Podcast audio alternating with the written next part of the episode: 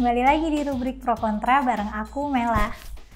Di episode kali ini, aku mau mengulas perdebatan yang mencuat di media sosial beberapa waktu lalu tentang keputusan atau keinginan pasangan yang sudah menikah untuk tidak memiliki anak atau biasa dikenal dengan istilah child free.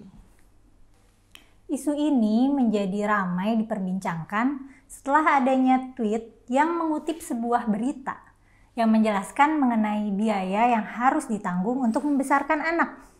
Nominal biayanya mencapai 3 miliar. Tentunya bagi banyak orang itu bukan jumlah yang sedikit ya. Pemilik akun yang mencuitkan tweet tersebut kemudian bercerita dalam sebuah thread yang cukup panjang tentang mengapa dia dan pasangannya memilih untuk tidak memiliki anak dan bagaimana kehidupan mereka tanpa anak. Nah, sebenarnya kalau kita baca baik-baik dari threadnya itu, sama sekali tidak tampak ada upaya mengkampanyekan pilihan untuk tidak punya anak ataupun menjatuhkan orang-orang yang memilih untuk punya anak. Tapi kenapa ya netizen ramai-ramai menyerang tweet tersebut dengan caci maki? sedikit banget respon terhadap tweet tersebut yang bisa dibilang sehat dan berbobot.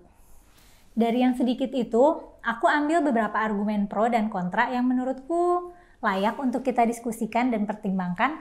Langsung aja simak pembahasannya ya. Aku mulai dari argumen yang pro child free atau pilihan untuk tidak punya anak.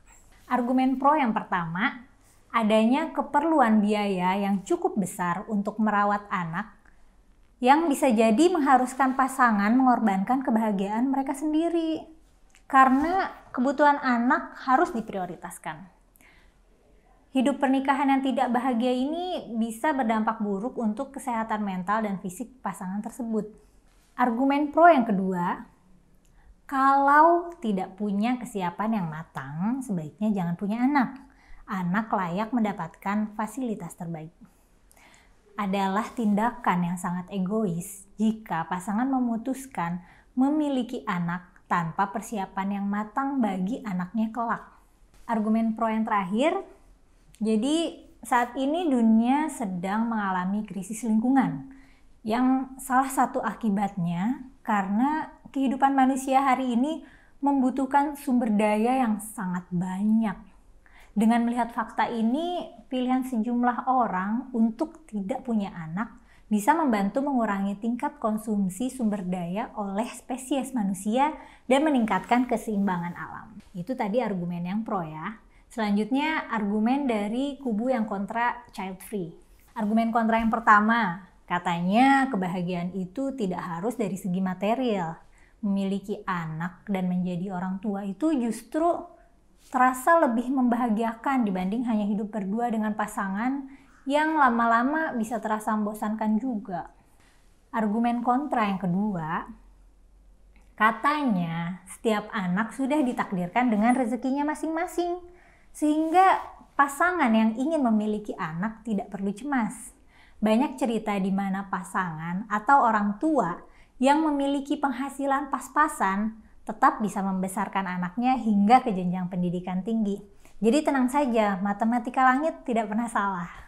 Argumen kontra yang terakhir. Jika tidak memiliki anak, siapa yang akan mengurusi dan menjenguk diri kita di saat sakit, di masa tua, bahkan saat mati nanti? Jadi nggak bijak kalau kita milih nggak punya anak, nanti kita nggak punya keluarga yang bisa mengurusi kita. Oke, cukup dalam juga ya argumen netizen ini, yang pro dan yang kontra. Nah oke, jadi yang pro ini aku lihat berangkat dari argumen yang lebih rasional dan berbasis fakta. Sedangkan kubu kontra berangkat dari argumen yang lebih mistis dan emosional. Tapi nggak apa-apa, ayo kita pahami bersama-sama keresahan dari kedua kubu ini. Karena menurutku beberapa isu yang valid untuk dipertimbangkan adalah kebahagiaan dan well-being dari pasangan dan anak. Kesiapan pasangan memiliki anak, serta dampak keputusan hidup kita terhadap orang lain dan ekosistem. Kedua kubu sebetulnya sama-sama memperhatikan kebahagiaan dan well-being dari pasangan. Tapi kubu pro mengkhawatirkan sulitnya mencapai kebahagiaan apabila memiliki anak karena bisa jadi nanti harus berkorban. Sedangkan kubu kontra melihatnya justru mempunyai anak itu bagian dari kebahagiaan itu sendiri. Di sini keduanya sama-sama benar, karena secara biologis manusia akan mendapatkan rewards berupa rasa bahagia apabila menurunkan gen-gennya ke generasi berikutnya. Karena tanpa adanya reward seperti ini, mungkin manusia sudah punah ya. Karena kita jadi tidak punya dorongan untuk punya anak. Tapi tanpa persiapan yang matang, kebahagiaan itu bisa jadi kebahagiaan hormonal sementara saja. Setelah itu mungkin akan muncul banyak konflik, komunikasi yang tidak lancar, jadinya sering bertengkar, tidak bisa memenuhi kebutuhan dasar diri sendiri dan pasangan, terus ditambah lagi kebutuhan anak.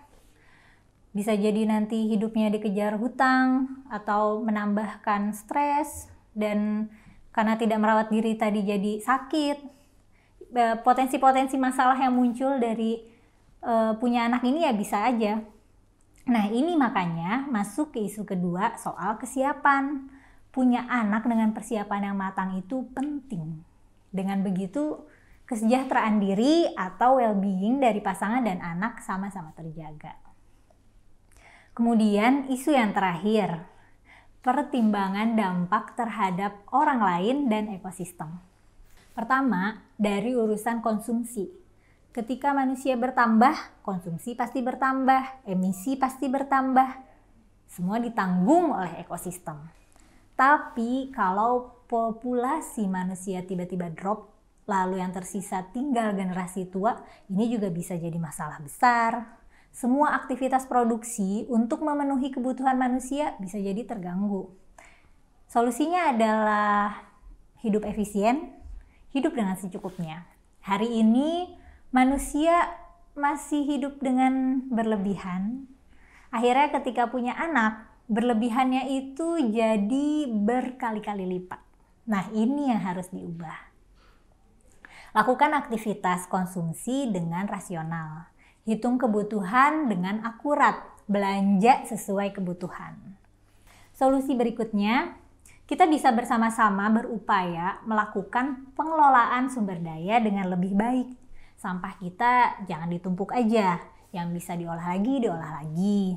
Perpanjang juga usia penggunaan barang untuk mengurangi sampah jangan bolak-balik ganti beli sepatu baru, beli baju bertumpuk-tumpuk, belum ada setahun dibuang-buang lagi. Ini yang membuat limbah kita menjadi berlebihan. Selain itu, ada satu masalah lagi.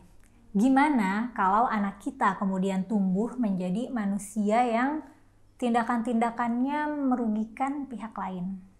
Nah, untuk mencegah ini, pasangan kan mesti berusaha menjamin anaknya dapat pendidikan yang berkualitas, yang bisa mendidik anaknya untuk berpikir dengan benar, bisa membaca fakta dengan benar, bisa memperhitungkan risiko dan dampak dari keputusannya dengan benar. Nah, dengan menerapkan prinsip-prinsip ini, keberadaan manusia baru tidak akan berbahaya untuk manusia lain dan ekosistem. Tapi itu menurutku, gimana menurut kalian?